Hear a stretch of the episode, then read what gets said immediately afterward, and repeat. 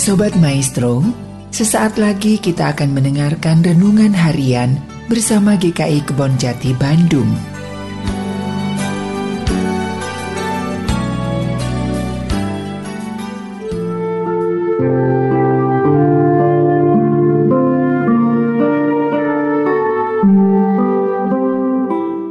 Salam sejahtera saudara-saudara, kembali lagi dalam renungan harian bersama saya Luhut Gandamana Sitanggang.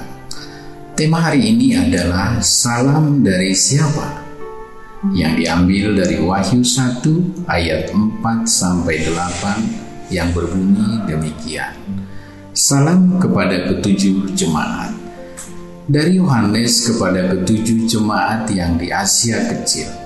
Kasih karunia dan damai sejahtera menyertai kamu dan dari dia yang ada dan yang sudah ada dan yang akan datang dan dari ketujuh roh yang ada di hadapan tahtanya dan dari Yesus Kristus saksi yang setia yang pertama bangkit dari antara orang mati dan yang berkuasa atas raja-raja bumi ini. Bagi Dia yang mengasihi kita dan yang telah melepaskan kita dari dosa-dosa kita oleh darahnya dan yang telah membuat kita menjadi suatu kerajaan menjadi imam-imam bagi Allah Bapaknya. Bagi dialah kemuliaan dan kuasa sampai selama-lamanya. Amin. Lihatlah ia datang dengan awan-awan dan setiap mata akan melihat dia, juga mereka yang telah menikam dia.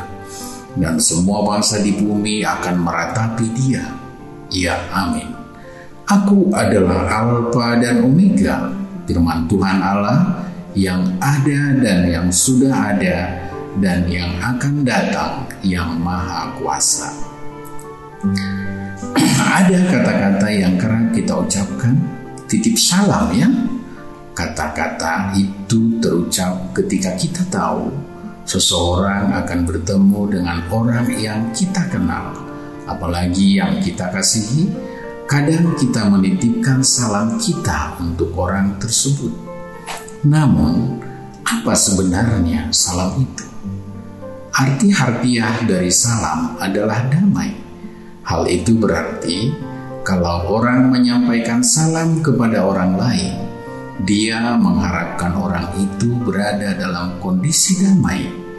Dalam kitab Wahyu ini yang berupa surat kepada tujuh jemaat, Yohanes pun menyampaikan salam yang berisi harapan supaya jemaat selalu berada dalam kasih karunia dan damai sejahtera.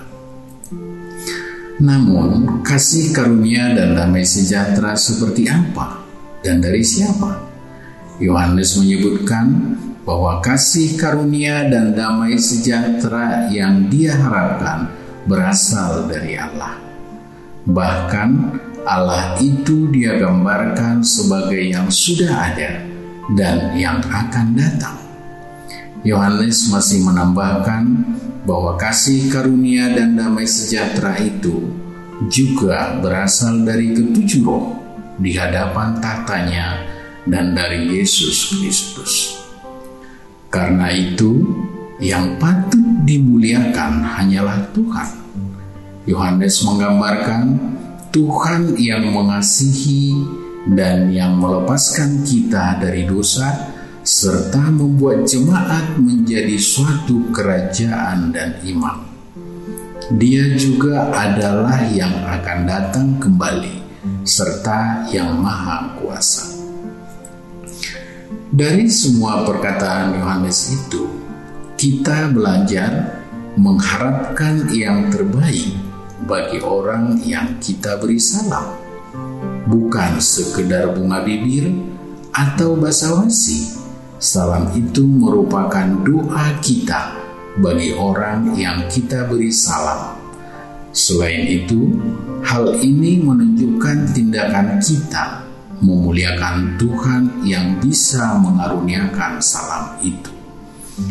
Itu bukan berarti salam kita yang membuat orang itu menjadi baik, damai, dan sejahtera. namun semua karena ada Dia, Tuhan yang mengaruniakannya. Salam bisa mendamaikan. Salam bisa mendatangkan kedamaian bukan karena kita yang berbaik hati, namun karena Tuhan yang berkuasa memberikannya. Jadi, ketika kita menyampaikan salam, salam dari siapakah yang kita harapkan kita ucapkan? Salam kita pribadi, ataukah salam dari Tuhan? Tuhan memberkati. Amin.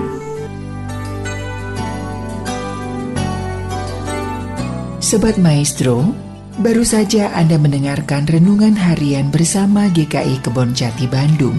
Tuhan Yesus memberkati.